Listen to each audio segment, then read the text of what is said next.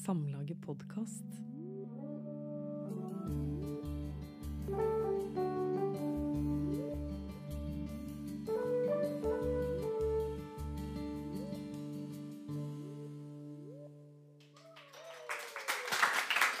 Tusen takk.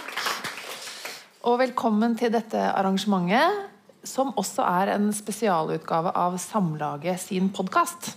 Sånn at eh, dere vet det, at nå er dere med på en podkastinnspilling. Eh, og vi skal, om, eh, vi skal snakke om veldig mange forskjellige ting under overskriften 'Hva er sammenhengen mellom levd liv og diktning?' Så det håper jeg at vi skal komme inn på på veldig mange forskjellige vis. Eh, og så Kveldens hovedpersoner er jo dere tre. Her har vi tre forfattere som er aktuelle med rykende ferske, relativt diktsamlinger, alle tre. Martin Ingebrigtsen med 'Bukk og Sigd'. Ellen Løvhaug Harrison med 'Sov bare når du søv'. Søv bare når du søv. Og Kajsa Aglen med 'Eit større regn'. Der. Den hører hjemme der. Um, jeg har med denne blokka er mitt, uh, mitt bidrag. Ok, så dette her blir seriøse greier. Vi skal lese litt, og så skal vi snakke litt om bøkene. og Så blir det en pause midt i, og mot slutten så blir det spørsmål for de av dere som har lyst til å snakke direkte med oss. Og det håper jeg at dere har lyst til. Eh, og da blir det sendt rundt en mikrofon, så jeg bare begynner å liksom varme opp stemmebåndene til det. Vi skal begynne litt med deg, Martin, okay. og boka di som heter 'Bukk og Sigd'. Ja.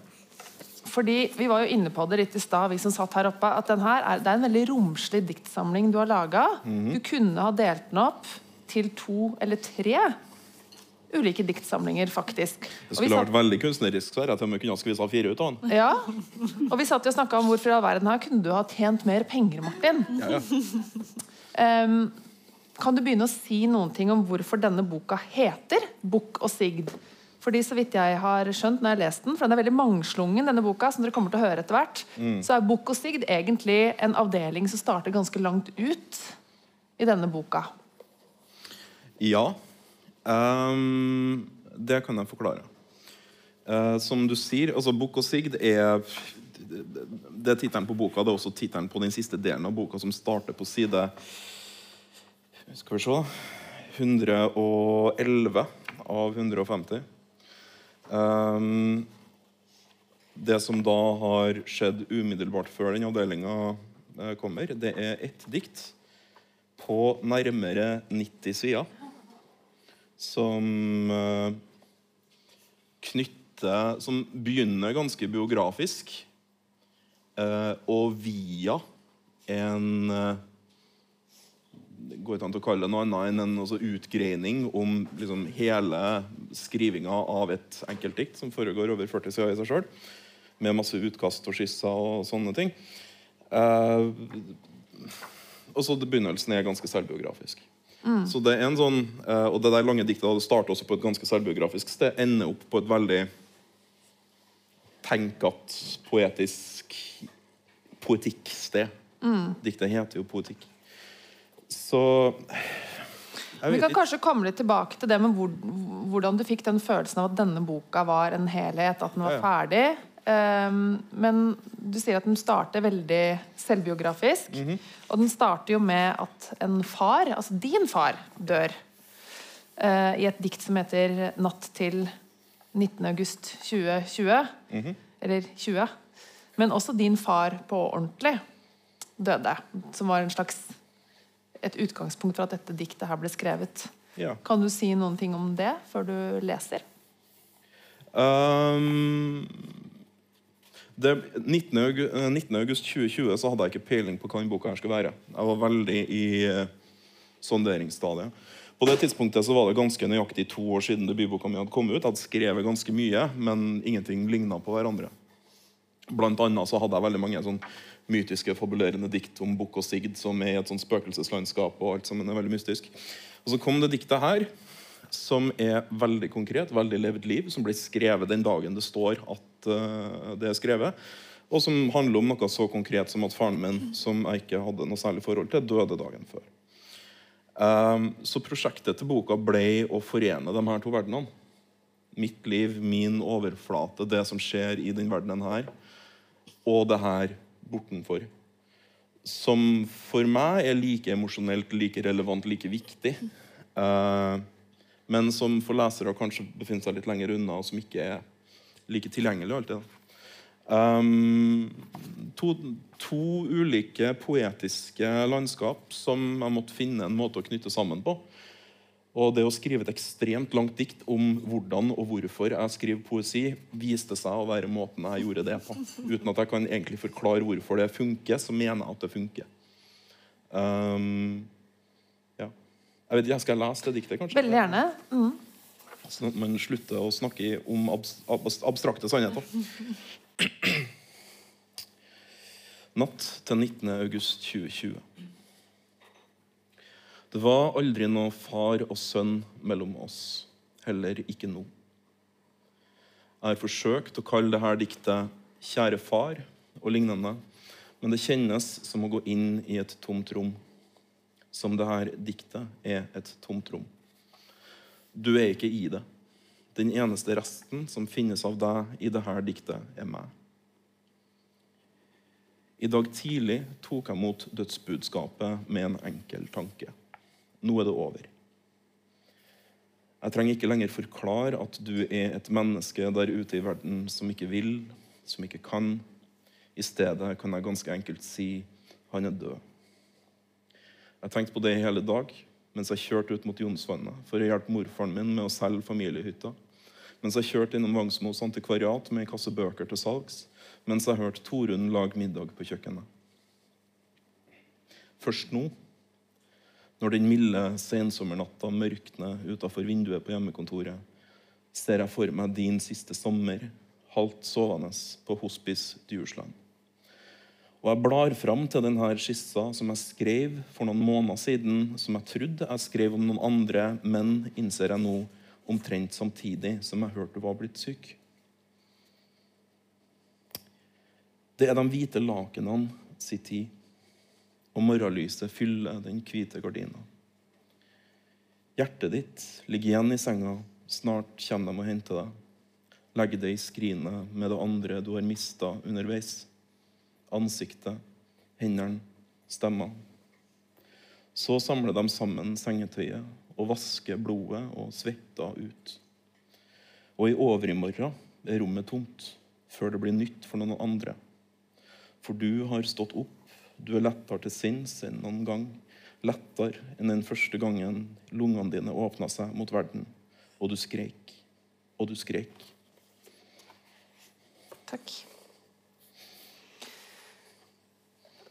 For å gå til overskrifta vår med en gang, da. Sammenhengen mellom levd liv og diktning. Mm. Jeg leste en presentasjon av denne samlinga på Samlaget, der du sa at det å skrive er din måte å uttrykke deg på, og at det var en naturlig måte å reagere da, på at mm. du fikk den beskjeden.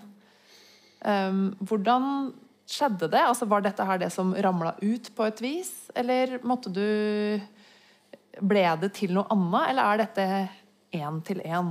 Det som skjedde? Det er én til én det som skjedde. Altså, du kan si Det er jo ikke en total utlevering av alt som skjedde.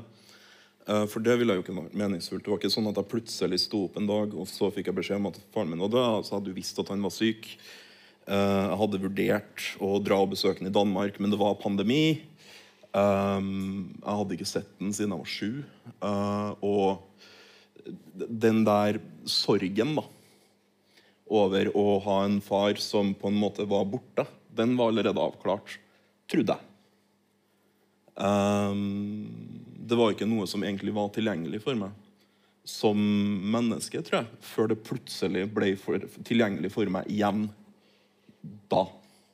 Men plutselig så var jeg litt sånn uh, Plutselig så våkna noen sånne gamle følelser til live igjen. Da. Og siden jeg nå er liksom, gått opp i 30-årene, så hadde jeg vel kanskje en uh, og poet, skulle jeg til å si, så føltes det veldig naturlig for meg å reflektere over det her. De her følelsene som jeg plutselig satt med i et poetisk rom. Og det her diktet var det som dukka opp.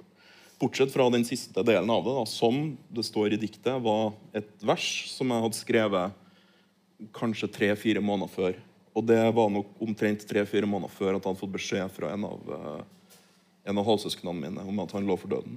Mm. Um, så ja, det var litt sånn Det var foranledninga, da. Så forholdet er, er ganske én til én. Mm. Um, og du sa da at det skjedde noe med boka di når det her skjedde? Med materialet som du satt og jobba med. Så det at, altså, at en far dør, er jo en, en stor litterær ting også. Ja. som det er det i livet. da At det gjorde noe med materialet ditt, rett og slett. Uh, jeg måtte finne en måte å få det jeg satt og jobbet med, til å favne om det diktet der. Um, det jeg satt og jobba med på det tidspunktet, var et ganske annet sted. Jeg visste at det var der det skulle være. Og det å putte det diktet her inn i det, det, var, det bare funka ikke. Um, det stakk seg så ut at det så ut som det var to forskjellige bøker. Um, og det var en tilbakemelding jeg fikk også fra redaktøren min. Det var en tilbakemelding jeg fikk fra andre lesere at det her, liksom, det her, det her henger ikke sammen.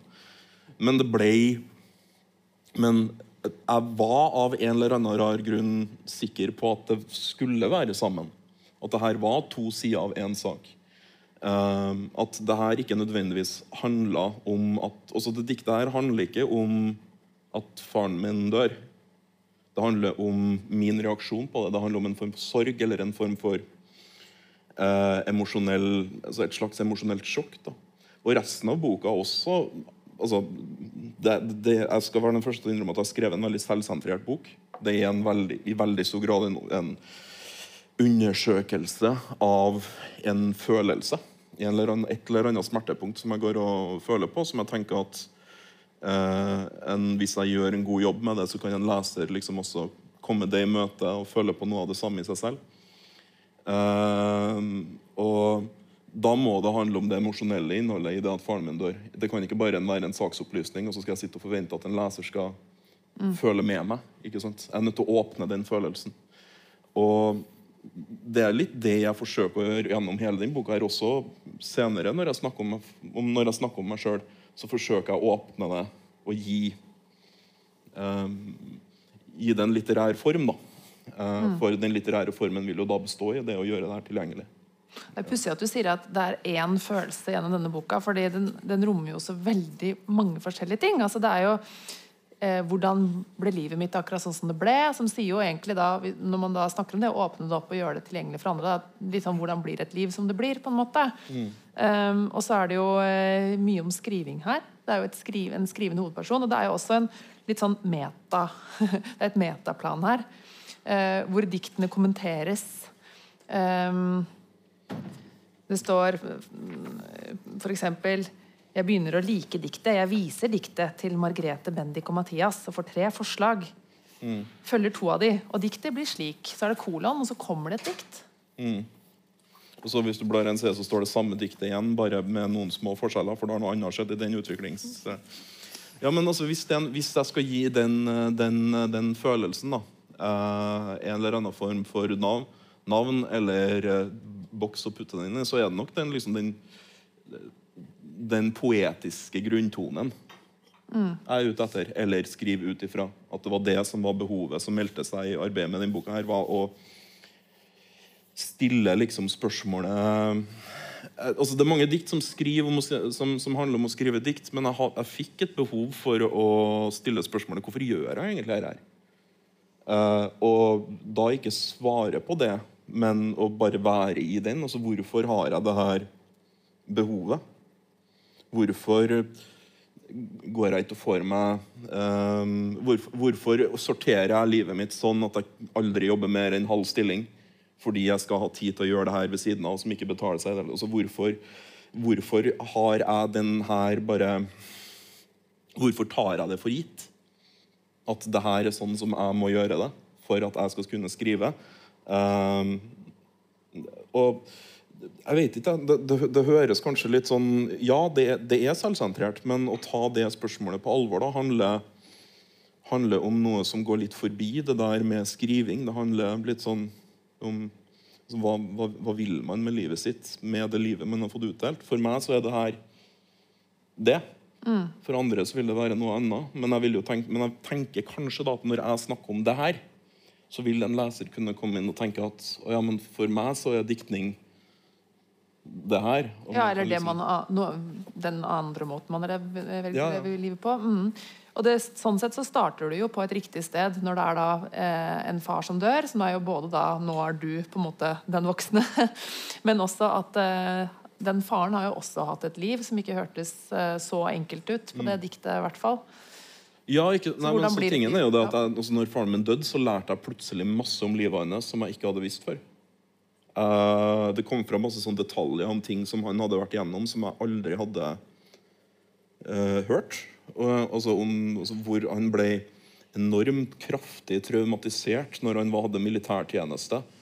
Uh, han var sørafrikaner, uh, og han ble sendt til en militærleir i Sør-Afrika hvor de sendte alle som var litt sånn utenfor normalen, som et Grefsvald. Eh, hvor det var mer eller mindre psykisk tortur for å få folk til å bare bli ordentlig. Han rømte, uh, han ble fanga, han ble kasta i fengsel. Han kom tilbake til mora si og var helt ødelagt. Uh, og var ifølge da min farmor aldri den samme igjen. Um, og så, så, som, en, som en voksen person som ser en annen voksen person og ser de erfaringene, da, så ser jeg at kanskje det finnes um, Kanskje det finnes en forsoning. Men den, si, den følelsen var på en måte ikke like interessant for meg. For det igjen ville handla om meg på en måte som den boka her ikke handler om meg på. Um, det ville vært å gå inn i en tematikk um, som jeg følte at jeg sa nok om i det der første diktet. Det var ikke noe mer å si om det. Um, ja. Får se om vi klarer å veve alt dette her sammen, da. Ehm, vi har to eh, forfattere til, og det er jo noen fellesnevnere i disse bøkene. Eh, det skrives ganske tett på en virkelighet som også er deres egen. Eh, om det ikke er én-til-én alltid. Eller det vet jeg, det er det ikke. Men eh, det er jo en grunn til at vi har den overskriften her i dag. Og så er det jo to fedre som dør i dette universet. I boka di også, Ellen, så er det jo en far som er død. Og han, han dør ikke så liksom bastant på førstesida, men det er jo det som på en måte er hele ramma for romanen. egentlig, At man ser tilbake på noen minner som er verdt å huske.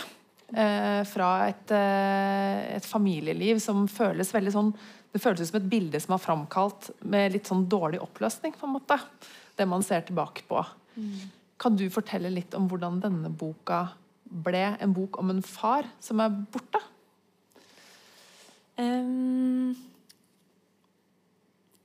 Ja, jeg kan prøve. Ja. Eh, det er jo veldig mye transkriberinger, egentlig, kan man nesten kalle det. Nært transkriberinger av hjemmevideoer eh, fra mitt liv, som jeg har brukt eh, på en måte som en, som en et slags kildemateriale, en slags um, håndfast, konkret plass å gå og hente um, følelser og steder og folk. Um, så jeg tror da jeg begynte å skrive de første diktene som jeg begynte med, de handla ikke direkte om eh, Altså relasjonen mellom, mellom måte den dattera som, som snakker, og eh, faren. Den var der. Det var, det var du, du-forhold med en gang, på en måte. Eh, men det var jo ikke noe tanke om at det skulle bli et prosjekt eller at det skulle bli en bok i det hele tatt. Um, men så fortsatte det på en måte bare den veien. Og, em, og eh, det var noe som mangla. Fordi det ble veldig mye bilder og eh, videoer og brev og på en måte sånne, de der konkrete tingene som man kan forholde seg til, som, fra, som kom fra et sted der eh, jeg i boka ikke var. Um, og derfor så mangla det litt, liksom. Så etter å ha fått et veldig godt råd som relaterte det, som jeg ikke fulgte, men nesten, Så eh, Det var fra Martin, ja. Så, eh, så dukka det opp på en eller annen måte. Hva var, hva var rådet fra Martin? Det var at jeg mangla. Jeg husker faktisk ikke 100, akkurat formuleringa. Eh, Altså, det, det problem, grunnen til at du ikke husker det, er at du gjorde nøyaktig det. Altså, du bare gjorde det på en annen måte. Ja, det var det. Hei da, det var du som var lur. det, det, det, det, var, det var det at de, altså, Alt var ferdig bortsett fra på en måte klangbunn. Eh, jeg måtte finne en måte å respondere på, så vidt jeg husker det. Og det var liksom det siste. Og når du fiksa det, så var jo boka ferdig. Det var det. Det var et veldig godt råd. Jeg fulgte vel rådet, men ikke måten å gjøre det på. Ja. Da er litt sånn informasjon inn fra siden her nå er at Martin har vært redaktør for begge disse bøkene. Ja. Så han er en slags rød tråd. Husker du når du kom inn i den boka? Hva var det du fikk se når du kom inn? Var det liksom helt fra starten av? Um, følelsen var der. Ja. Det var um, Jeg ble veldig bevega av, av manuset på et veldig tidlig tidspunkt, uh, og det er ganske sjeldent. Um, og det var liksom bare Men OK, men ehm, Hvordan det, det, det, er alltid, det er alltid det. altså Hvordan løfter vi det som er, det som er kvaliteten? Eh, med boka til Helen så gikk det forholdsvis fort òg. Det var liksom bare med en gang jeg-personen begynte å snakke, utover transkriberingene, så bare kom føltes det som meg for, som redaktør, og så føltes det som om boka bare kom. Jeg synes Det er fascinerende hvordan du har klart å få fram at dette her er gamle familievideoer på en måte i, gjennom språket. da, altså fordi Det skjønner man nesten med en gang. Eh, eller man får den samme følelsen i hvert fall, som å sitte og se på noe materiale som er litt sånn nostalgisk og eh, ja, prega av sin tid. da. Eh, men du skal også få lese litt fra starten. Ja. Det er den beste måten å komme inn i det på. det. Da tar jeg de første. De er ikke like, like lange som Martin sitt. Hun får lese tre. Som helt kort, da.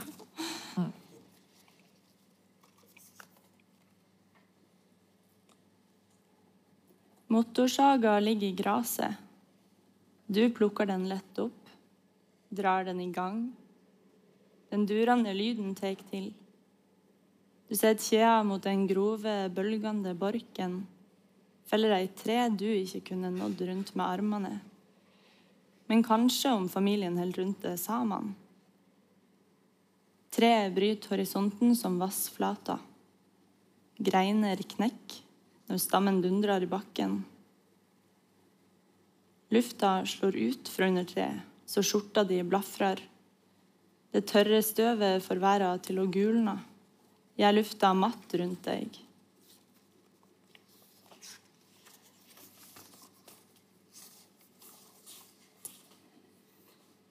Jeg tror navnene våre mister forma si. Slik fjell blåser bort i vinden, vært sand i munnen. De glimrende bokstavene gror over i mose og lyng.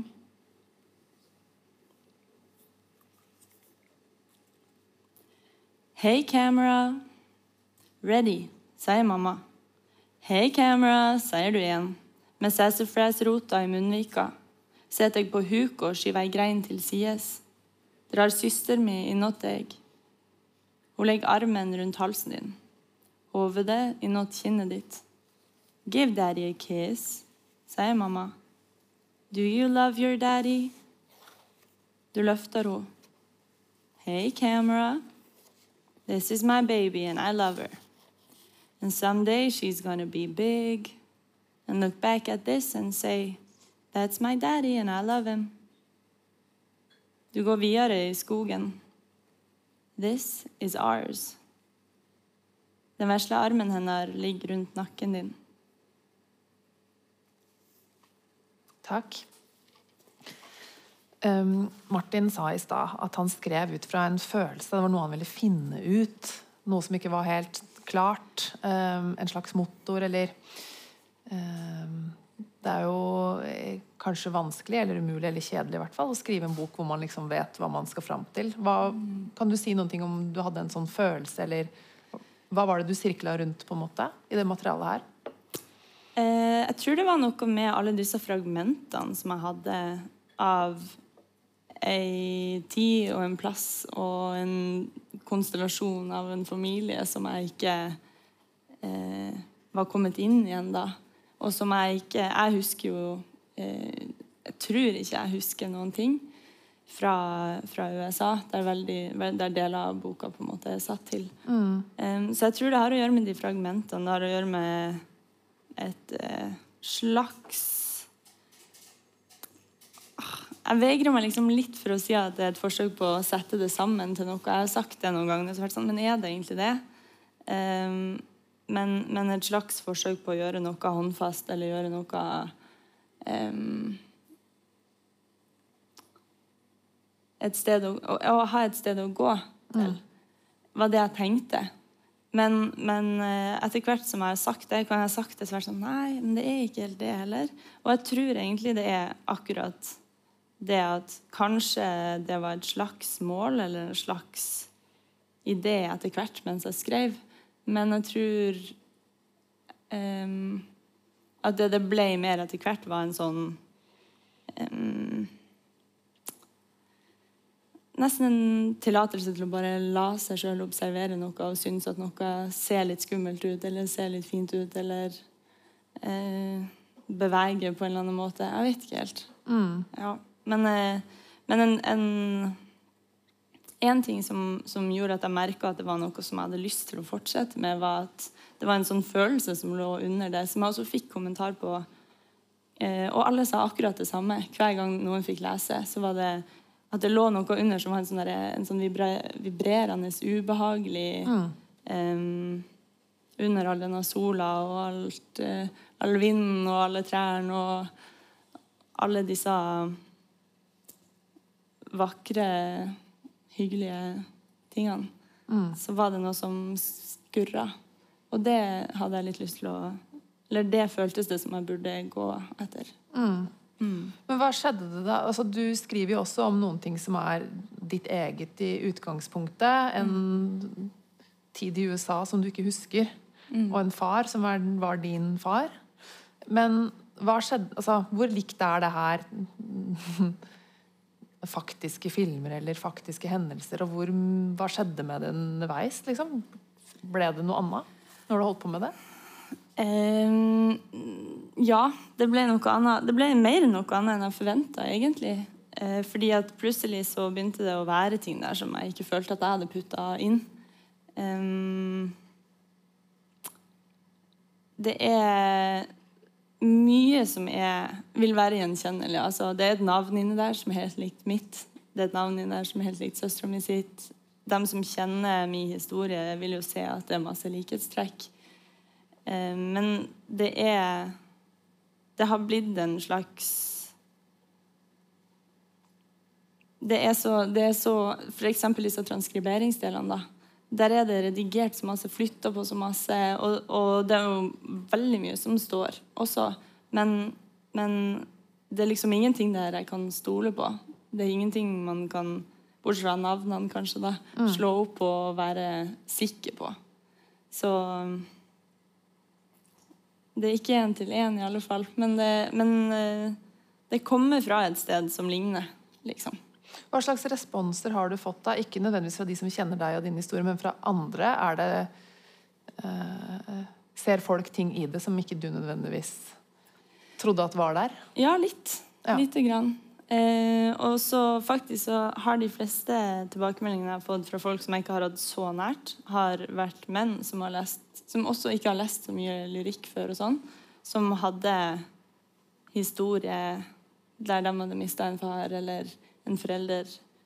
Um, sånn at um, Ja, jeg, håp, jeg, jeg, tror at Jeg håper at det er noe at, de, at folk kan finne noe annet der enn det jeg har putta inn. Mm. Ja.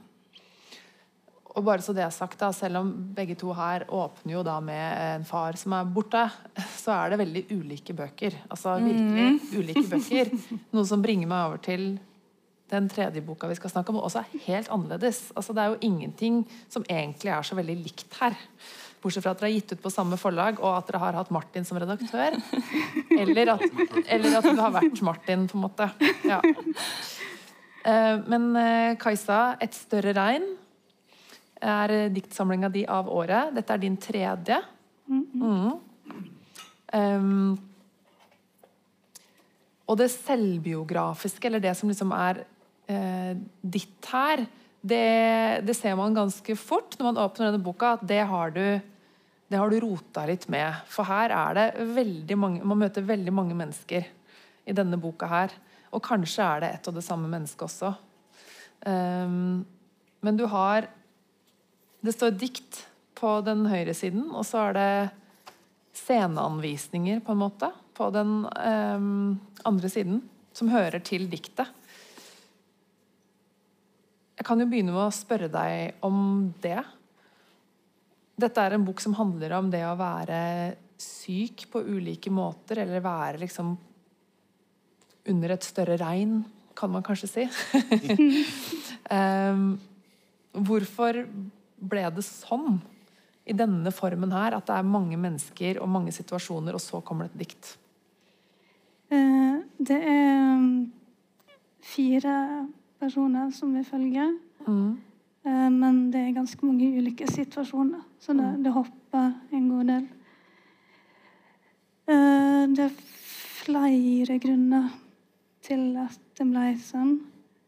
Det det ene er at jeg hadde lyst til å skrive eh, basert på egne erfaringer og mennesker som jeg hadde møtt gjennom de erfaringene. Men jeg oppdaga veldig fort at uh, jeg hadde ikke lyst til å skrive om, om meg sjøl, eller ikke engang egentlig fra meg sjøl.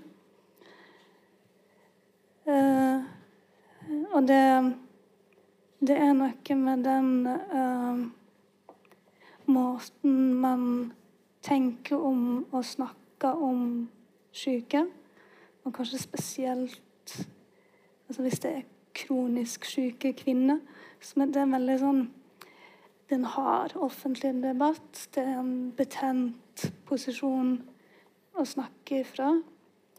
Uh, og for min egen del så var det som en, en vanskelig floke å være i den stemma som jeg ikke klarte å fri fra det utafra blikket som kan dømme alt man sier, på en måte. Mm. Det, det, blir ikke noe dikt ut ifra en sånn, uh, sånn følelse. Så det, det å flytte flytte perspektivet vekk ifra meg sjøl og mitt eget liv. Ta inn andre sine erfaringer, andre sine stemmer på et vis. Uh, det ble, også, det ble på en måte så blir det sånn å få undersøke ting som jeg er interessert i. Se andre andre, andre liv, på det slett. Uh, men så ble det også en litt sånn uh, som den tankeleiken Hva ville du sagt hvis det her var vennen din? At det blir en, et litt mildere blikk. En litt sånn kan, kan tillate litt mer. Kan tillate en uh, Ja, jeg, jeg, dømmer ikke det på samme måte som hvis altså, jeg kunne om til deg sjøl også? At du ikke dømmer så hardt, på en måte? Eller? Ja. Ja, ja, ja nettopp den. Uh, slippe den der hvordan en sjøl ser på mm. seg sjøl-aktige Bare flytte det vekk fra det. Uh, og så underveis så kom jo det litt fra eget liv. Litt sånn Sneik seg inn bakveien, på et vis. Sånn at et stykke uti så var det noen element som er sånn Er det her mitt, eller tok jeg det fra den boka, eller hun som jeg snakka med den gangen? Jeg veit ikke. Det, det, spiller kanskje ikke så stor rolle. Jeg har lyst til at vi skal få høre litt fra deg òg, sånn at det ikke bare er vi som sitter her, som vet hva dette er. Hvis ikke dere har lest boka, da, selvfølgelig. Um, da kan du jo begynne med å lese det diktet som står på side ti. Var det du skulle lese, ja? Mm.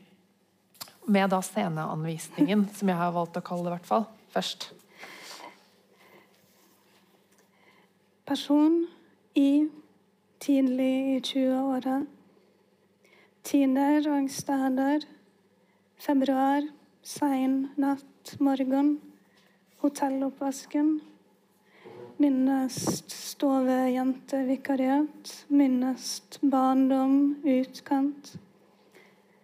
Andre. Kjøkken, kjøkkenstab. Varebilsjåfør.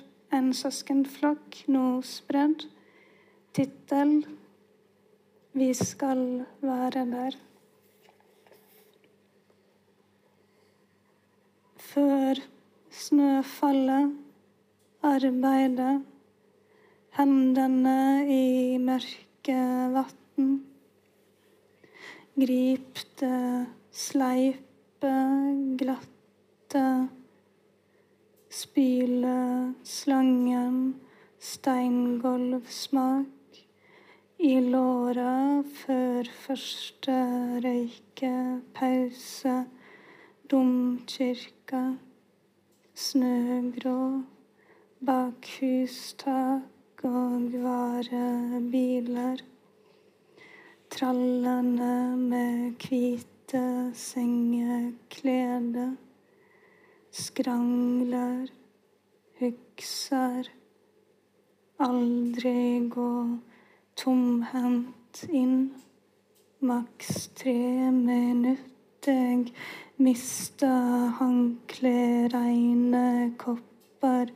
Fall i gulvet, vakne smertefri. Ei nesten hugsa stad fra barndommen. Smal gang, grønt glass. Ei søt, sur lukt. Vi hadde ingen andre. Vi hoppa ned fra stoler, greiner, bruer. Ikke gråt, kjære du. Det er over snart. Jeg lover. Takk. Det er jo mye som er vanskelig i denne boka. Jeg syns synd på personene dine. Ja. Mm. Um, samtidig så er det jo rom for mye som er veldig vakkert òg. Og man kommer veldig tett på både liksom bilder av situasjoner, men også følelser. Og at man gjør det til eh, til noe poetisk, da, tross alt. Um, jeg lurer på hvordan du har forholdt deg til det. At ting som er smerte eh, og vanskelig eh, i en sånn her diktbok liksom, Det er vanskelig å unngå da, at det blir estetisert, på en måte. Ja. Har du, hva har du tenkt på det underveis? ja. Mm. Eh, Det er vel altså prøve å skrive nærme Nærme Altså at det, det er ikke et utenfra-blikk som beskriver en situasjon. Det er en person som er i verden med, med alt det her, og som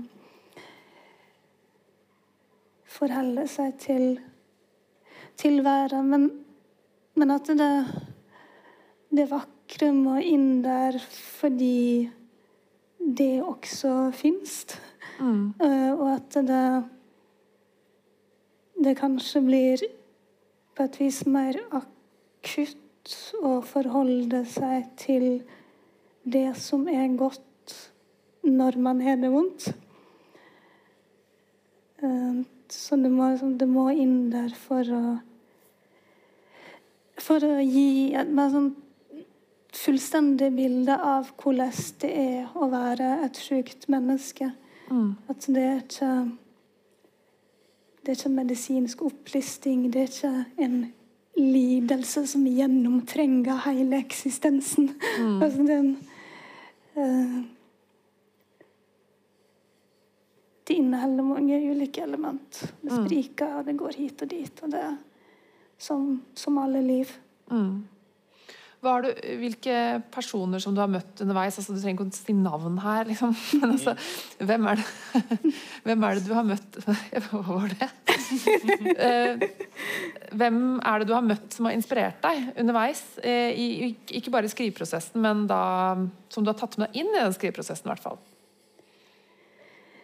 Eh, til å begynne med så var det når jeg gjennom egen sykdom havna i sånn behandlingsinstitusjoner og litt sånne Nav-rare eh, ting. Sånn. Så det første første sånn bildet som jeg husker at jeg tok med meg som sånn Det her, det her klarer ikke jeg bare å holde på. Det her må jeg gjøre et tekst på en eller annen måte, var uh, Det en kaller vel lukka, skjerma, skjerma bedrift, kanskje. Mm.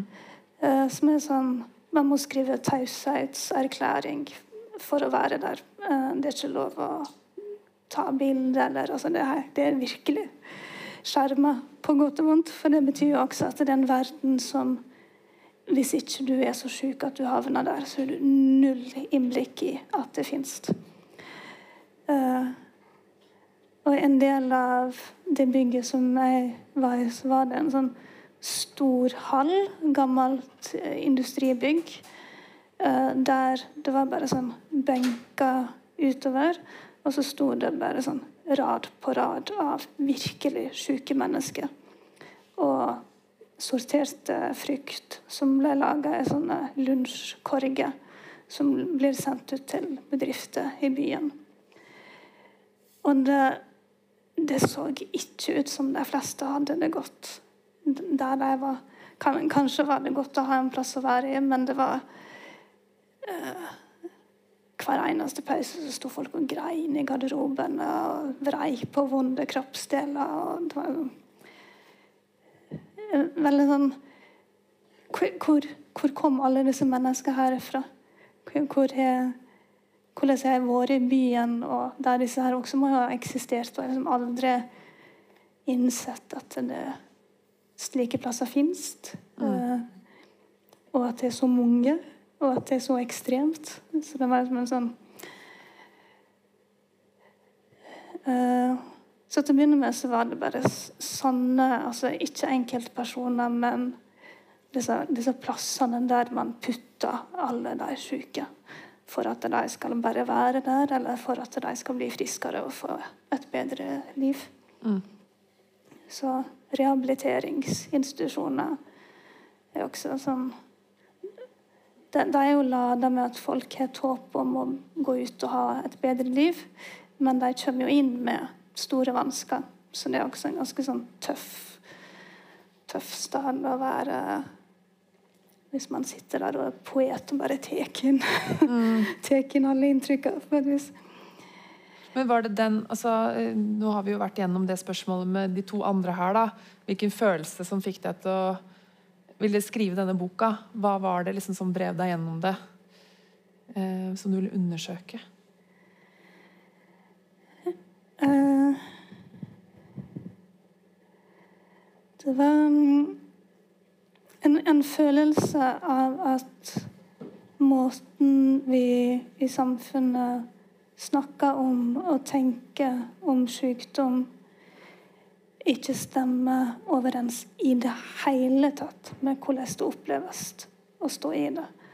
At den, vi har ikke noe språk eller et veldig magert språk for det å ha det vanskelig over tid. Um, vi har bare et språk som handler om Det må du akseptere. Det går bra. Uh, nå skal du få til det. Altså den sånn uh, vi, vi vil ikke stå i det som er vanskelig. Vi vil bare snakke om, om, om det andre. Det, det, er jo vanskelig å stå i det som er vanskelig. Men uh, altså at, at, det ikke blir snakka om, og i den grad det blir snakka om, så blir det snakka om på en måte som er reduserende eller feil. Uh, at jeg hadde behov for å klare å finne uh, et blikk, et modus, en måte å være i det på som gir meg rom for Jeg kaller det det eksistensielle. Jeg vet ikke om det er rett ord, men no, noe i den retning. Mm, det stemmer i hvert fall det òg, vil jeg si. Mm. Ok. Vi har faktisk allerede kommet fram til en pause.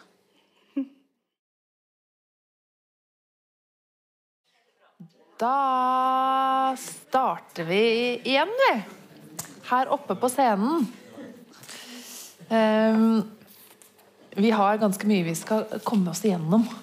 Og så vil vi ha rom for spørsmål fra dere òg. Og jeg kom på at jeg glemte å presentere meg i stad. Så da tenkte jeg at jeg kunne gjøre det nå. Jeg heter Anne Dorte Lunås. Og jeg er journalist i Adresseavisen. Og så pleier jeg å gjøre det her eh, på ulike litteraturhus. Snakke med forfattere. En del. Um, vi skal snakke litt mer om boka til Ellen igjen.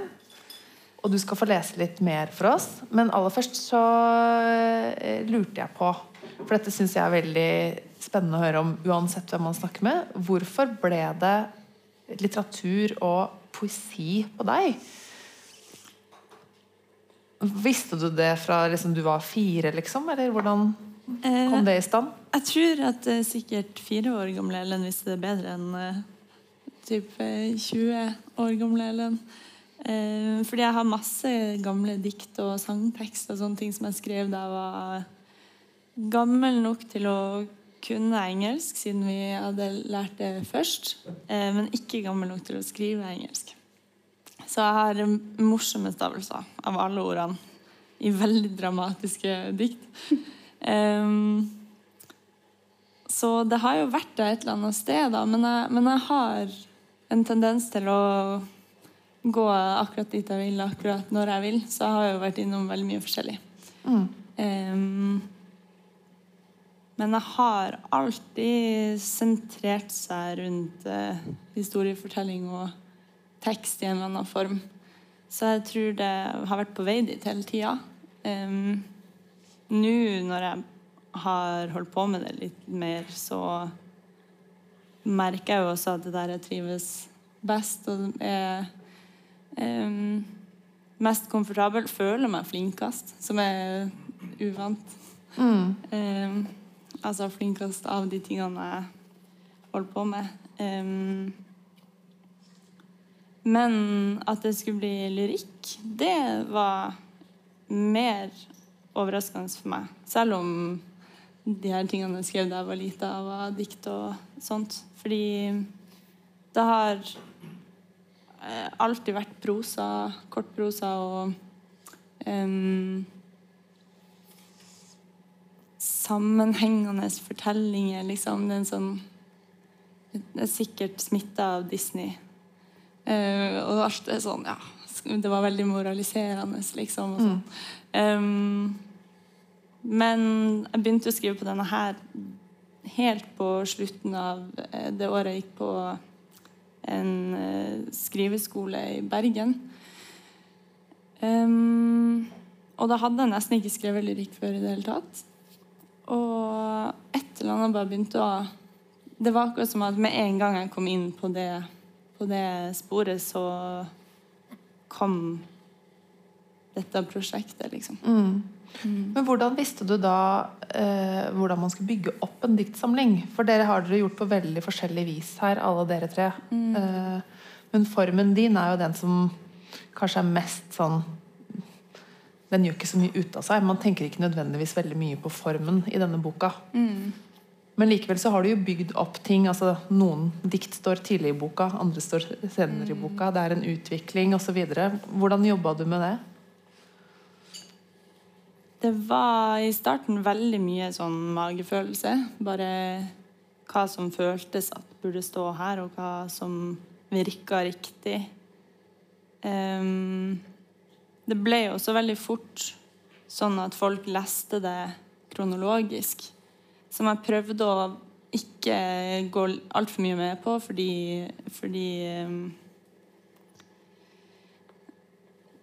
Det er ikke sånn den historia er, på en måte. Den er oppbrutt, og alle detaljene og alle, alle de tingene som er med, er på en måte separat. Så de trenger ikke, en, de trenger ikke å være kronologisk. Så jeg var litt sånn eh, Gikk sikkert ned et litt sånn prosaspor og prøvde å lage et system som ikke skulle være der. Um, Og vi, vi møter jo en jente, en jeg-person, da, og så er det da familien hennes som hun ser tilbake på. Eh, en familie som har gått i oppløsning, da, egentlig. Og så Det du skal lese fra nå, er jo da plassert sånn cirka akkurat der i boka. Hvis man skal ha den klassiske sånn Hollywood-kurven, så er det nå liksom Nå er det mest action, på en måte. ja. Tenkte du sånn i det hele tatt når du bygde opp boka? Nei. Nei. Eh, jeg tror faktisk at det jeg fokuserte mest på, var å ikke forvirre for mye. At jeg hadde lyst til at folk skulle kunne henge med. Fordi det er jo veldig fint at det er fragmenter og alt det der, men, men, eh, men jeg ville at folk skulle, skulle kunne skjønne diktet. Det gjorde at jeg var nødt til å forholde meg til en viss grad til det kronologiske.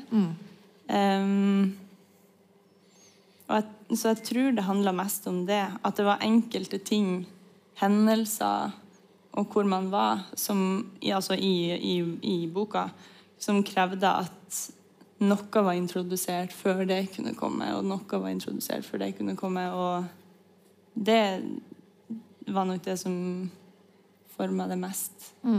Ja. Da skal vi få høre det som er samlingas lengste dikt. Mm. Vi ser om det er noe action, da. Kan det hende? Dette, jeg tror det er fem sider, så det er bare å holde seg fast.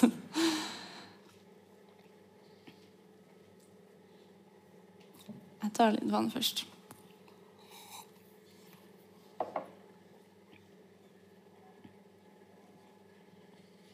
Og jeg bærer dine trekk, lufta di og kjærleiken din, lasta di, og du bar den, før du trefte mamma, før søsteren min ble født, og jeg.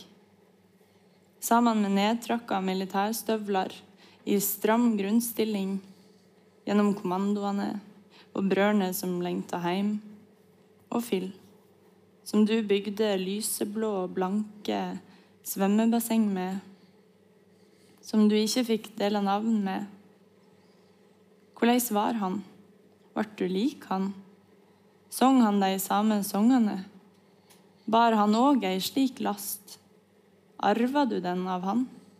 Såg du dine hender i hans, og ullgenserne som mamma strikka? Jeg så deg i traileren. Jeg så du hadde brukt deg. Fikk meg ikke til å ta deg på meg.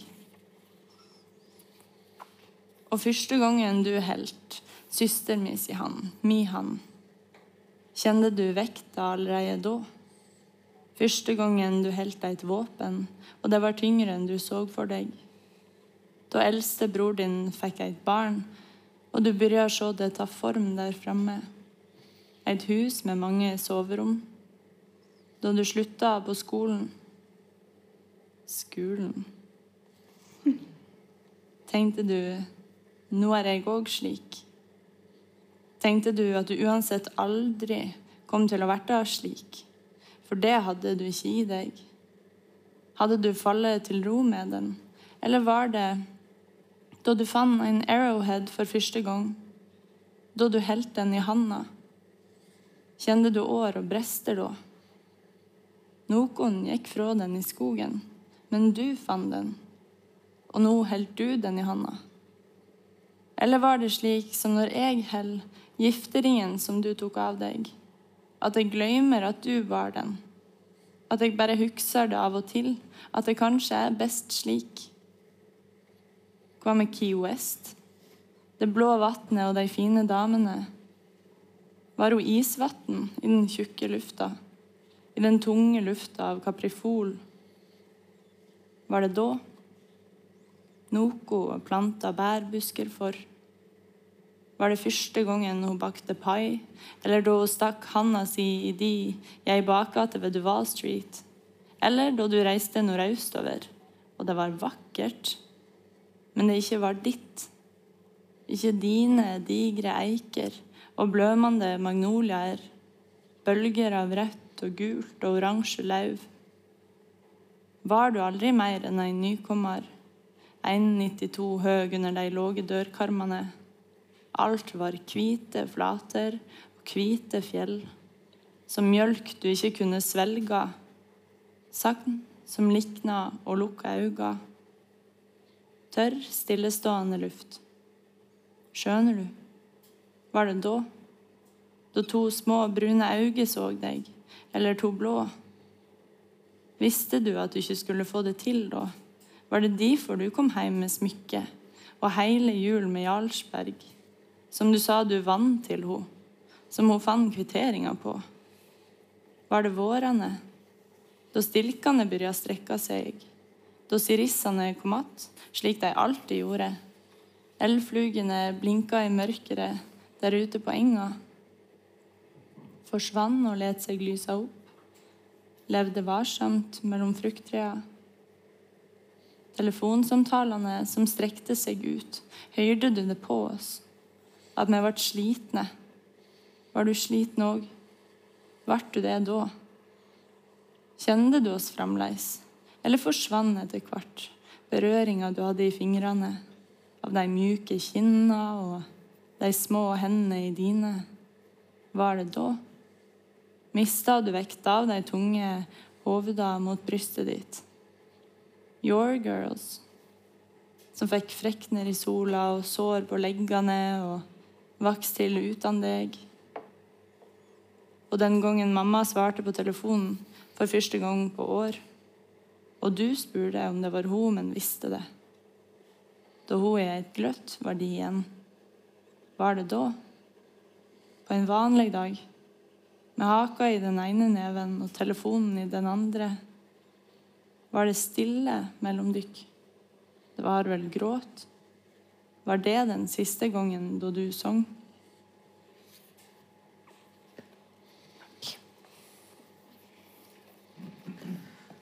Det er en gjennomgående veldig mild og grei måte denne jeget forholder seg til faren sin på, eh, og til disse minnene på.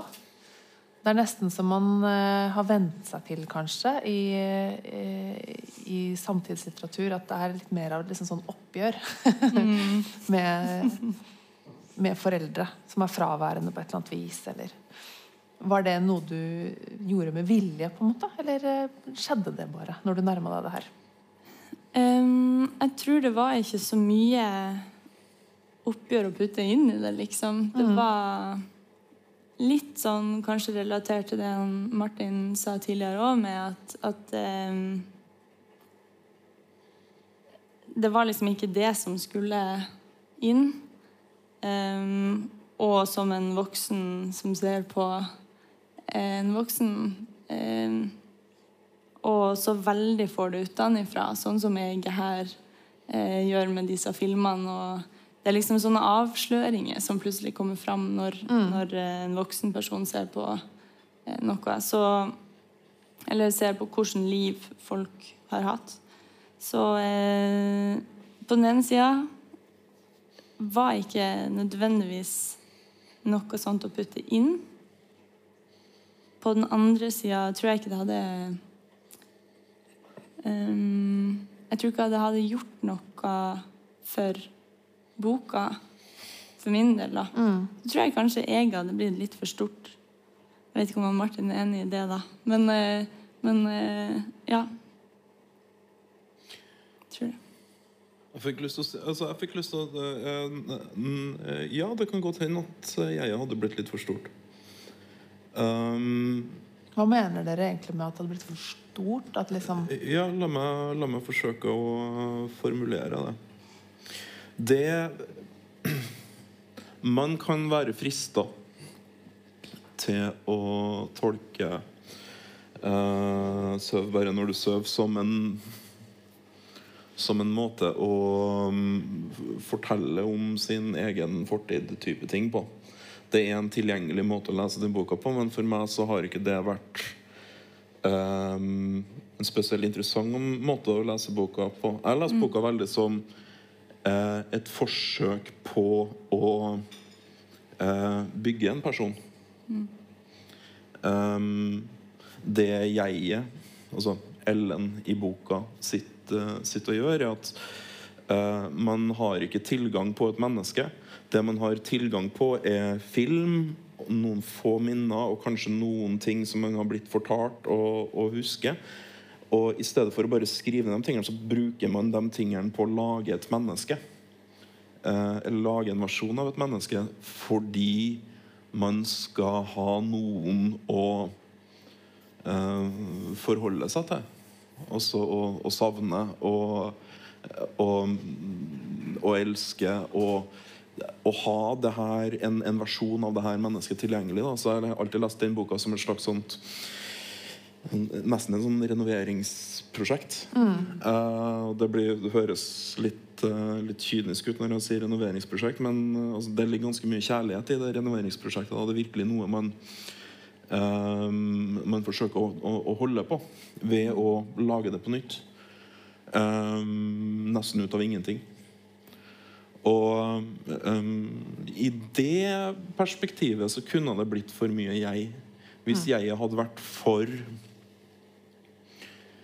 Hvis jeg har vært for selvbevisst i det, um, og reflektert for mye over det, så hadde jeg mista en del av den emosjonelle intensiteten som jeg syns at boka har.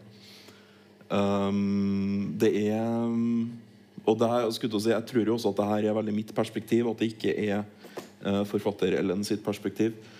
Eh, men det ble i hvert fall en sånn peiling for meg som redaktør da, på hva som kan være riktig og feil valg i forhold til denne boka. her, og Sånn sett så syns jeg man har tatt alle de riktige valgene.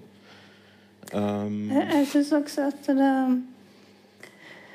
det, det, sein, altså det, det at den er så retta utover mot ikke bare uh, faren som ikke er der, men som var der, men alle mennesker rundt. Mm. Det, det, sier noe om, om hva et menneskeliv er. Og at det beveger seg eh, geografisk to forskjellige plasser. Vi er i flere tider. At den har sånn, det spennet i seg som, som man rommer, og som alle mennesker rommer. Så det er sånn det fraværet. Det er ikke sånn derre pappfigurer som er klippet ut, og så er det sånn pappfigurhull. Det er liksom det er spredt utover et, et, stort landskap og flere landskap og flere tider. Og framtidene som man så for seg. Fortidene som blir annerledes etter at noen forsvinner. Så det er som en uh, Ja, det viser som en, det nettverket av liv og savn. Mm.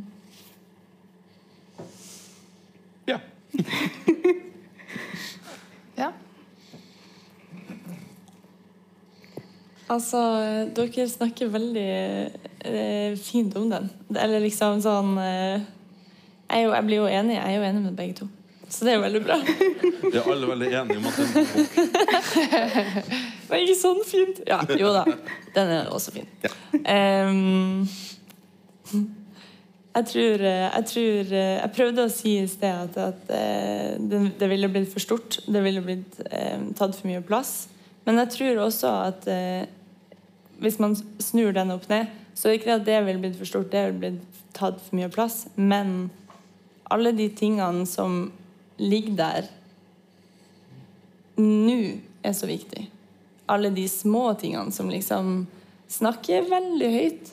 Um, jeg tror det, det, det var derfor det ikke skulle inn. Fordi det var det som fascinerte meg. på en mm. Det var de små nyansene som, som brøyt noe opp, eller satte noe sammen, eller avslørte noe. på en måte. Mer enn de store sensasjonene. Mm. Mm. Men forandra det noe for deg? Altså Følte du etterpå at du hadde en slags far her? I det du hadde skissert opp? Det hadde jo vært veldig hyggelig. Men eh, nei, dessverre. Um, det er mange som har spurt meg om det, og det tror jeg, er veldig, jeg tror det er veldig naturlig å tenke um, På grunn av at Jeg kan jo si at sånn uh, Det å skrive er jo definitivt er jo noe som definitivt har en terapeutisk funksjon, f.eks. Men, men eh, den er blitt så um, separat ifra meg. Så Nei. Men er det noe ved det og det her kan dere jo svare på alle sammen, for så vidt, er det noe ved det å ta utgangspunkt i noe som er biografisk, da, eller selvbiografisk, som eh, du ikke har lyst til å gjøre igjen? Var det noe av det du syntes var vanskelig, eller som begrensa deg på noe vis?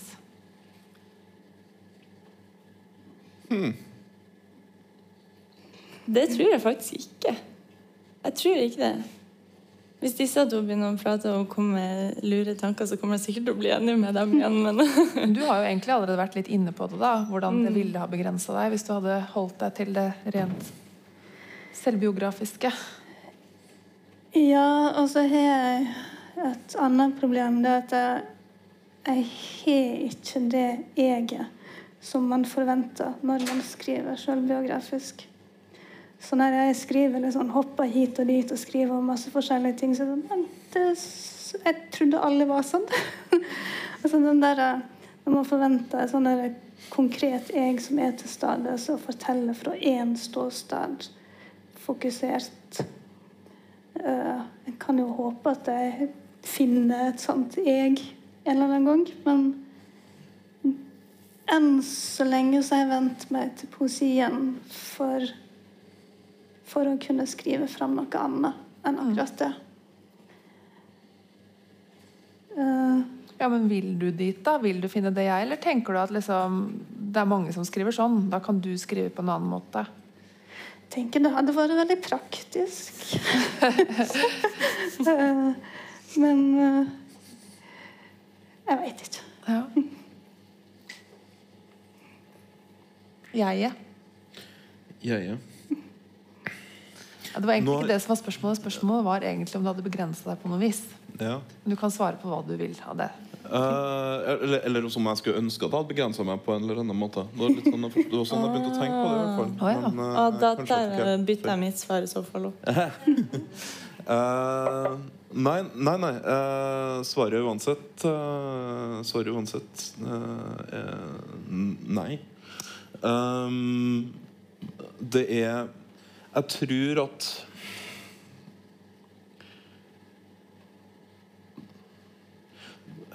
jeg, jeg, jeg ble litt sånn eh, Jeg ble veldig reflekterende her på akkurat det spørsmålet jeg forestilte meg at du, at du stilte.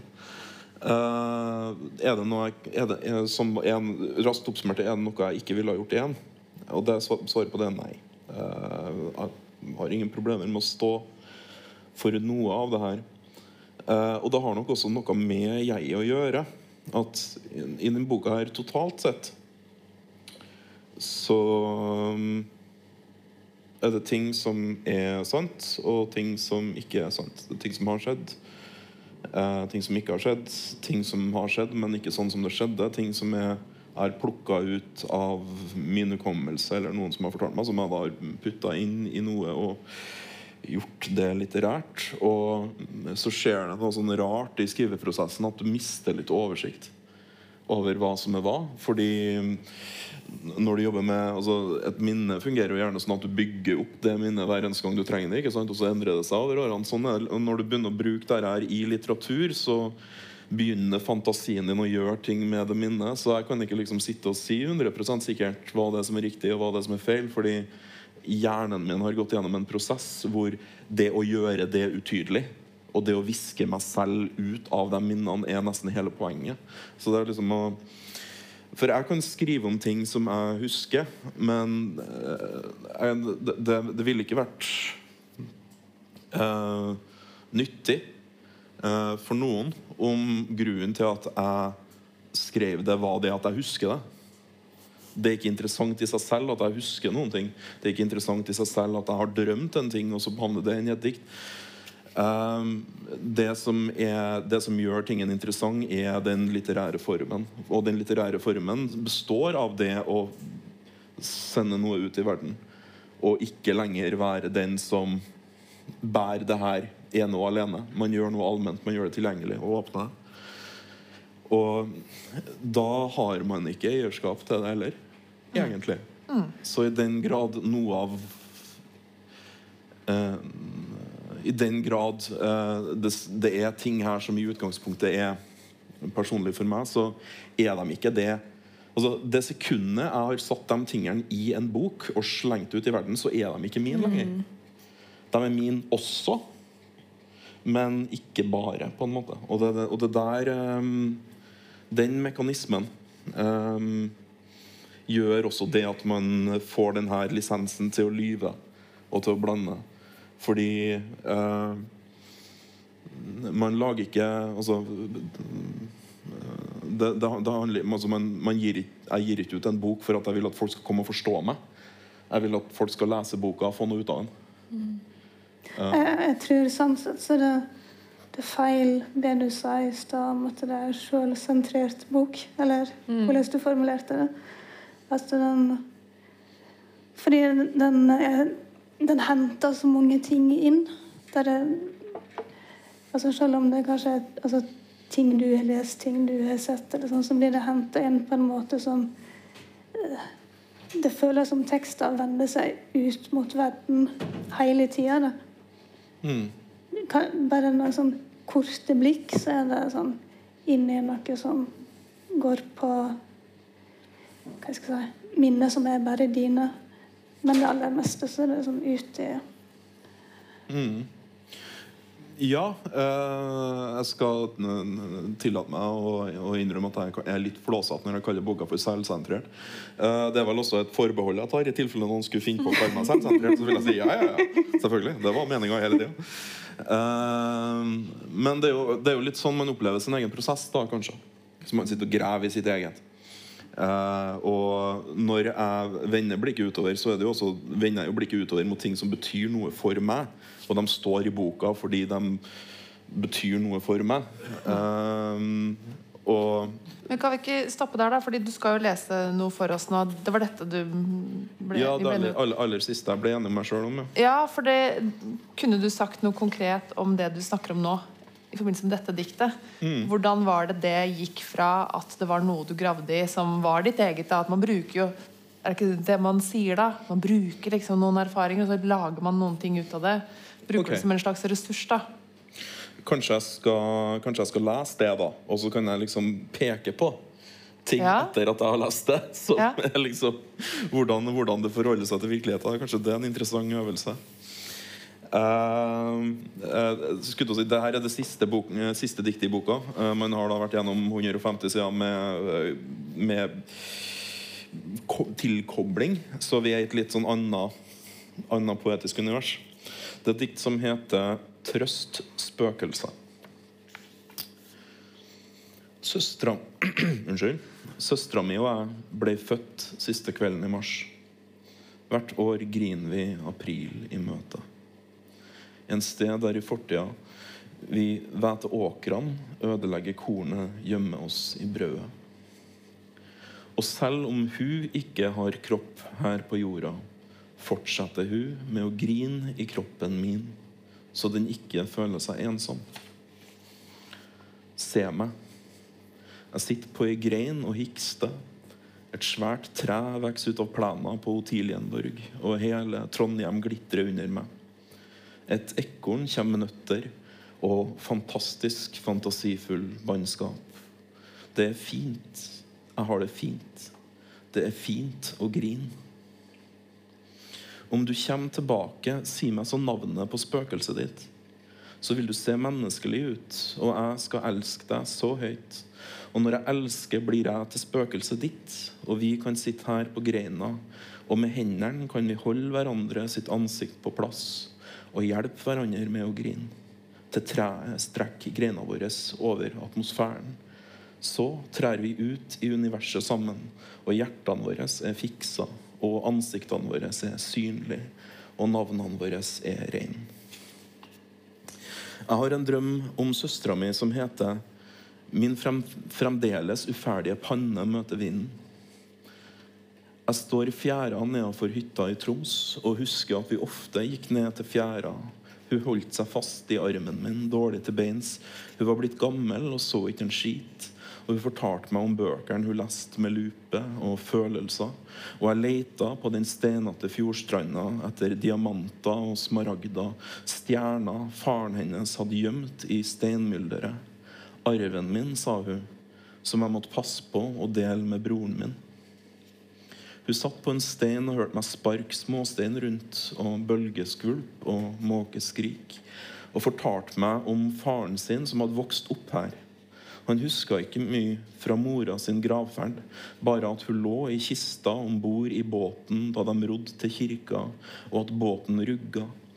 Senere overlevde han to forlis da motoren på båten tok fyr, og hele mannskapet rodde gjennom stormen hele natta og kom i land på et fiskevær der en mann som speida etter sin egen sønn, fikk dem i land, ga dem mat og varme og sønnen sine tørre klær. Og enda en gang da han var alene om bord og båten kantra og han klamra seg til ripa i to dager. I slutten av drømmen om søstera mi sitter hun på en pinnestol og kikker ut av vinduet. Da hun snur seg mot meg, har hun øyne som diamanter og smaragder som glitrer av innestengt lys. Så ja. Men så, da, for å si liksom litt om hvordan dette er Jeg skal, ikke, skal ikke ta alt.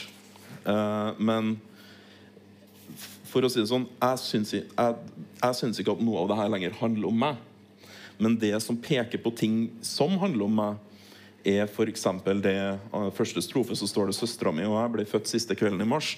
Min bursdag er 31. mars, så jeg ble født siste kvelden i mars. Jeg har ingen søster, ingen helsøster, som ble født samme dagen. i hvert fall.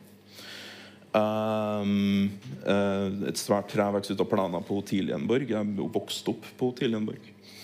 Um, men det er ikke nødvendigvis likevel et dikt som handler om min oppvekst på Otilienborg. Um, og så eh, står fjæra nedenfor hytta i Troms. Og så mine besteforeldre kommer fra Tromsø. Vi hadde ei hytte der som jeg var veldig mye i på eh, når jeg var barn. Og det er definitivt den hytta jeg beskriver. Men jeg beskriver jo ikke den hytta, så det kan godt, like godt være din hytte i Troms. ikke sant? Um, og uh, den her søstera, som da i det, det diktet har blitt gammel Det hun forteller om sin far, det er ting som uh, min mormor har fortalt om sin far. Som også da er knytta til det stedet.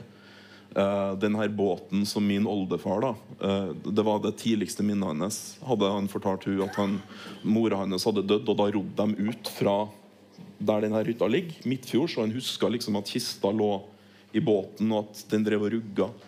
Og han overlevde to forlis. Altså den motoren som tok fyr, og mannskapet som rodde gjennom stormen i en livbåt. Det skjedde, det var den første gangen han var ute ut med en uh, fiske, fiskebåt. Um, de kom i land uh, på et sted hvor en mann sto og speida etter sin sønn, som, han, som, det ikke står noe om kom tilbake eller ikke. Så tingene her er sann. Uh, de er i hvert fall overlevert meg som sann. Uh, er det her viktig for meg å formidle til en leser av det diktet her? Nei. De her faktatingene de kontekstualiserer de her minnene for meg. Men eh, når jeg sitter og skriver det her diktet, så er det litt sånn at eh, Diktet vil til Troms. Av en eller annen rar grunn. Og så følger jeg de assosiasjonene jeg får, og de kommer inn i diktet. Og de blir liksom De bare er der. Og de er tilgjengelige for andre. Det er ikke viktig for en leser tror jeg, å vite hva som er riktig og ikke riktig i det diktet her, eller i boka som, som helhet. Um, det er bare bilder som jeg kan, og som jeg, som jeg, føler har en eller annen form for følelsesmessig resonans. Og som jeg da prøver å presentere på den måten. Så, sånn er det forholdet helt praktisk og konkret. da, ikke mm. det, det er sant. Det betyr ingenting for meg at det er sant, og jeg vil ikke at det skal bety noe for en leser at det er sant eller ikke sant. Eller. For det kunne kunne- like godt gjerne ikke Du kunne bytta ut Otilienborg med Nardo, liksom. Jeg kunne i hvert fall bytta ut med Flatåsen eller Rotvoll. Eller Nei, men altså For Otilienborg ligger jo på Nardo Anne Dorte, det her vet vi jo. Nei, vet du det visste jeg faktisk ikke. Så kjent Borettslag i, Nardo, i gamle Nardo distrikt. Uh, som Solia, Vestlia og Risvollan og sånn. Ja. Mm. Eh, men jo da, i prinsippet ja. Jeg ble sittende med sånn Otilienborg, Ofelia det Ja, det er litt mer poetisk Ja. med Otilienborg. Okay, jo, jo, nei, men det, det har ikke jeg tenkt over. Men jeg tror kanskje Otilia og Ofelia er det samme navnet. Og det er jo også en del Hamlet inni den boka her, så kanskje det er en greie. Hvem vet? Aldri tenkt over det før. Det, er helt, det er akkurat sånn det er. Men det er akkurat dette som er den hele poenget. Ja. At da får du noe ut av det. ikke sant? Det det jeg syns er utingen med det virkelighetslitteraturbegrepet i det hele tatt. At det tar noe vekk fra leseren hvis forfatteren skal ha rett. Men de får ikke Hvorfor kan ikke det være riktig, liksom? Sånn at eh, Ja, nettopp det. Jeg tror òg at hvis man skriver mindre spesifikt for å liksom eh, åpne det opp for flere, så tror jeg man bare lukker det. Mm. Så for det Ja. Hvis man Ja, jeg tror bare det blir det, Hvis man sikter seg inn på generelt, så blir det Det blir ingenting, liksom. Ja, det, var- det var det som eh, skjedde med meg når jeg prøvde å skrive ut fra meg sjøl og ikke ville. Da bare tok jeg vekk alt som var konkret. Ikke sant? Og så satt den igjen med bare sånn eh, vage det, det ble ikke for langt vekk, og det ble ikke nært nok. Så da ble liksom det å det å lage meg noen personer og hente element fra andre sine liv, var en måte å få få inn det konkrete igjen. da. Skrive om helt konkrete sykdommer som viser seg på en helt konkret måte i en helt konkret hverdag. Uh. Men jeg hang, meg, jeg hang meg litt opp i det her med at eh, liksom, diktet vil til Troms. Fordi jeg tenker, altså, Den assosiasjonen kan jo like så godt være din. da, på en måte, altså Du som skriver det. Hvordan er denne logikken i diktet? Eh, kan man argumentere for at det er helt random? Plutselig så hopper vi dit fordi hjernen bare bing, bing, bing, bing. Altså, Hvordan skiller man dette fra å være liksom helt sånn eh, altså Min hjerne assosierer i hvert fall veldig mye rart som jeg ikke tror at nødvendigvis kunne blitt gjort til stor kunst eh, i alle tilfeller. Jeg tror at uh, måten, det, måten det fungerer på, altså mer eller mindre konkrete stedsnavn, sånn fungerer i poesi, har, har mer med at uh, Jo, men alle har et Troms. Alle har én versjon av den hytta i Troms. Men for noen andre så vil man kanskje Å ja, men det er hytta i Sogn. Eller, altså, man vil på en måte forstå relasjonen og putte inn sine egne ting. Alle sammen, alle sammen har et Otilienborg, men for noen så vil det være Flatåsen. For andre vil det være altså, i Sæter i Gudbrandsdalen. Mm. det handler ikke nødvendigvis om de konkrete tingene. Men hvordan sørger man for at dette er eh, tilgjengelig for leseren? Altså, alle har kanskje et sånn, Om man ikke har hytte i familien, da, så har man i hvert fall et sånt sted man kanskje har reist i barndommen. og Sånn. Men hvor går grensa der mellom ting som er eh, riktig i ett liv, og som man på en måte kan gjøre et eller annet sånn generelt ut av? da? Eh, at det kan være en slags sannhet i det? Der må man jo bare ha tillit til leseren. da. Eller liksom gi det til leseren som et forsøk, og risikere det at leseren kanskje ikke får noe ut av det i, hele, i det hele tatt. Og det må også være greit. Eh, det må være greit. Altså på, opp til et visst punkt så kan jeg ikke bry meg om hva noen synes om det jeg skriver. Uh, jeg kan bare la meg inspirere, inspirere og informere av den litteraturen som uh, jeg selv reagerer på. Og tro at Jo, men hvis jeg gjør det jeg tenker at er min måte å løse de der problemene på, om det er riktig eller ikke, altså om det funker eller ikke, det kan jeg, det kan jeg ikke vite. Men jeg kan ha tro på det. da Og kanskje det fungerer på en helt annen måte enn hvordan jeg, min teori om hvordan dette er. Det kan hvis, også men hvis jeg tolker deg rett, da, så er det sånn at man oppøver en slags måte å fortelle ting på. Mm. Fordi man har lest og øh, hørt på ting, kanskje. Eller øh, Hva tenker du, Kajsa? Er det en slags sånn måte man lærer seg å bruke tingene i verden på? Nei. som er litteratur? litteratur? Nei. Nei. Uh, jeg, jeg strever veldig med å finne rett språk, rett form. Og det jeg, det jeg lyst til å skrive, det jeg liker å lese, er aldri det jeg ender opp med å skrive. Når jeg begynte på denne boka, her, så hadde jeg lyst til å skrive sånn bitte små dikt. Ni ord maks. Det var liksom Det var målet. Det var planen. Og det lyktes du ikke med. Så jeg har ikke den eh, ehm, den, den, den måten å jobbe tekst med som Martin beskriver der, eh, sånn jeg forstår den, er um, en masse mer sånn Jeg har ikke begrep om hva jeg driver med. Eh, Landskapet. En sånn intuitiv eh, famling, leiting. eh, eh, sortering etter hvert, så tar det form. Så ser, ser jeg hvor det er på vei, og så tester ut litt forskjellige ting. Og så får jeg beskjed om at nei, det her forstår ikke vi i det hele tatt. Her må du, her må Får du, får du den beskjeden innimellom? Dette forstår vi ikke. Ja. Jeg, jeg, hadde, jeg hadde en versjon av manuset som var skrevet fullstendig uten ordet 'jeg'. Det syns jeg var liksom helt på sin plass. Men det, det var det ikke.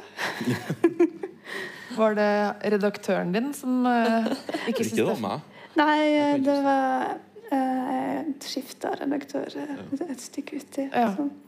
Ikke fordi jeg sleit han ut, altså. Det var, det var andre ting Så. Men, eh, men la, meg, la, meg, la meg bygge videre på den der, da, for jeg vil i aller høyeste grad si det at min egen skriving er en, en høyst intuitiv og svært lite planlagt eh, planlagt utforskning av, av verden. Eh, når, jeg, når jeg snakker om det man kanskje kan snakke om som en litt sånn teknisk og leserorientert måte å, uh, å skrive på, så vil jeg jo understreke det at jeg vet jo ikke hva en leser tenker. Den leseren jeg opererer med, er jo mer en sånn tenkt mottaker, som også kommer fra meg. Jeg har jo ikke peiling på hva altså Det finnes ingen, ingen sånn om å skrive-bøker har egentlig noe annet å si eh, om det å skrive enn hva, hvordan den ene forfatteren sitter og forestiller seg leseren. Det er liksom enden for teknikk. Uh, du kan ikke komme lenger. Men, uh, men det handler om å faktisk altså, Når jeg sitter og famler i blinde, som jeg veldig gjør, så hjelper det veldig å kunne, liksom, kunne strekke ut en hand ut i mørket, og så møter jeg liksom handa til Hiromi Ito som sitter her og sier jo, men du har lov til å gjøre de her tingene. For det, er liksom, det, det går an. Og andre sier så sitter liksom C.A. Conrad eller også de her, det her litt sånn litterære menasjeriet av mitt, mine egne inspirasjonskilder, som gi, liksom gir meg litt tillit da, til at jo, men hvis du gjør det sånn som her, så kommer det i hvert fall til å være en måte å gjøre det på. Uh, og det er litt deilig. Ja, jeg, er også den. Jeg, jeg våger å si at jeg famler og bruker intuisjon fordi jeg har hørt Anne Gjedelund si akkurat det samme. Tenker jeg, ja, Hvis hun gjør det, så Ja, da, da er det greit. oh, men, det, men det er jo også, altså Hvis Ann Gjedelund gjør det, så er det jo vitterlig helt greit. Det må jo være det. Man kan ikke liksom komme og, komme, komme og klage på Ann Gjedelund. Men, men jeg tror uh, Altså det med de konkrete detaljene som man tar inn, og når man tar inn, kanskje ikke vet om de skal være der eller ikke. Jeg tror det handler om en slags ladning.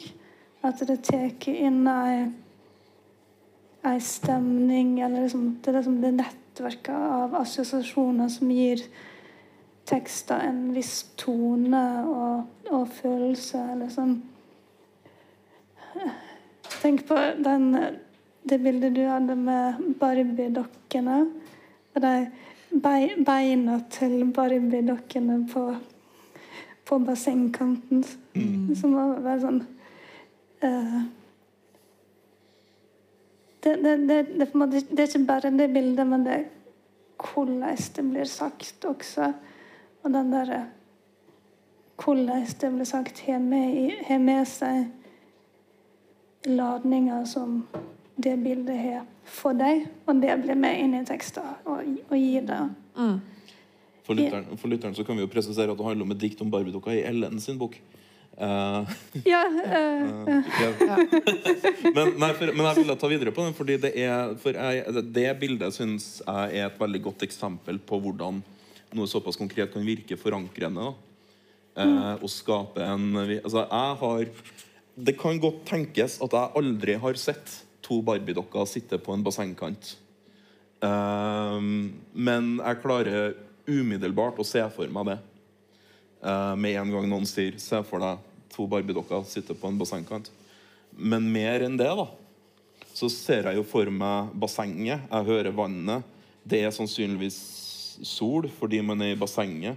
Eh, det Barbie-dukker der. Man tenker kanskje de ikke er i et offentlig basseng, men kanskje det her er et privat altså det en badestand, Og så, så man begynner å dikte videre på dette her ut ifra den informasjonen man får, og plutselig så er det her mitt sted også, fordi jeg har laga det. Det er jo liksom en sånn Sånn fungerer i hvert fall min fantasi. da. Eh, og når man da bruker sånne bilder, rene visualiseringer, eller alle former for sansning egentlig til å forankre noe i et sånt øyeblikk, så gjør man det jo tilgjengelig. Um, og det er en sånn ting som man kan tenke på når man skal skrive. Vi må lese litt, eh, Kajsa. Um, da kan vi jo ta med oss inn at når du, eh, du skal lese først på side 66, var det ikke det vi ble enige om? Så har du da sittet her og famla med ord og bala med noe uttrykk og brukt intuisjonen og litt av Edlund inn, inn i miksen der. Og så var det dette her som kom ut på andre sida. Ehm, husker du hvor dette konkrete diktet ble skrevet, og noe om hvordan det oppsto?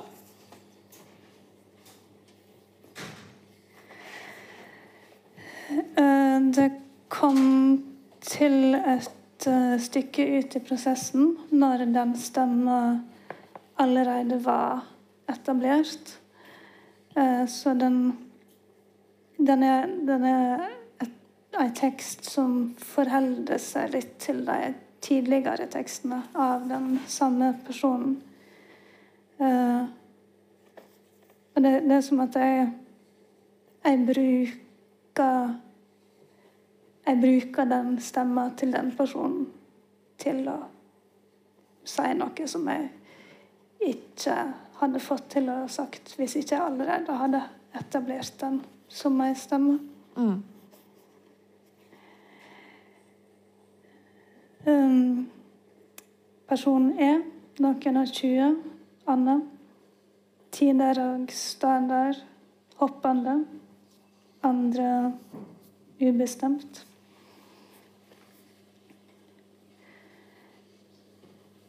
Uh, Jeg kan også si at uh, jeg hadde et emne på filosofistudiet med en professor som hadde Han holdt på å skrive en bok som han hadde tenkt å kalle eh, 'Hvor stor er en ting?' Eh, Hvor stor er en ting? ja. Eh, Men så ble boka hetende 'Tid og rom', for det ville forlaget heller ha. Det var en kjedelig utvikling. Så tittelen er da 'Hvor stort er eit glimt'? Om alle dager med støv på leggene er den samme dagen i alle byene i været. Jeg saknar lyktene. Brent støv og kvass eim fra tørr jord. Vinden svir i auga, om det er nok. Å ligge med hvem som helst på stranda. Dingle med beina fra rekkverket. Ung og usjuk. Så kjem vinteren. Båtene knirker kring piren i frosten. Et heilt glimt glimter.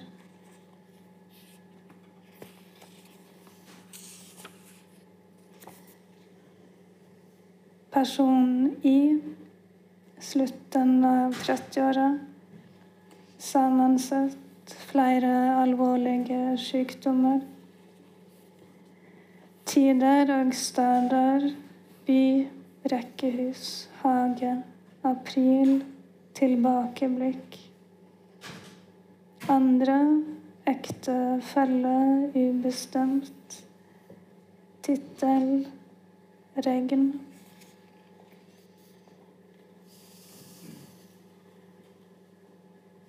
Såre lykter. En av oss sa jeg makter ikke mer. Han står ute i hagen med åpa jakke. Hun flagrer vilt. April og sterk kuling. Takrenna styrter vatn utover grusen. Vagt hugse leike der. Ei gul plastspade. Kalde never. Vatn, grus, ro. Og brå redsle. Alle barn kan gløymast bort. Kan stå aleine i regnet i ei anna slags tid. Liksom tynnere.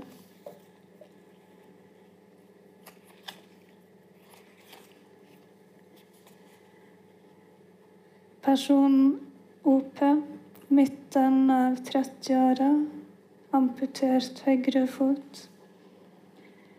Tider og steder, tilbakeblikk, fotturer, nå kalvegjerde, tidlig mai. Andre, fjell, skog, kalv.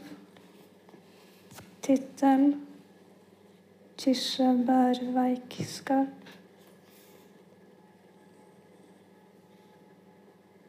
Hugse beina ned fra fjellet. Våte steinskrenter. Det heilt grøne trekroner og ikkje ta fra meg veikskapen. Det er vår, lent over nabogjerdet. Kalvesnuten dynker mildt mot håndflata. Så hovedet mot håndbaken. Knollene klør.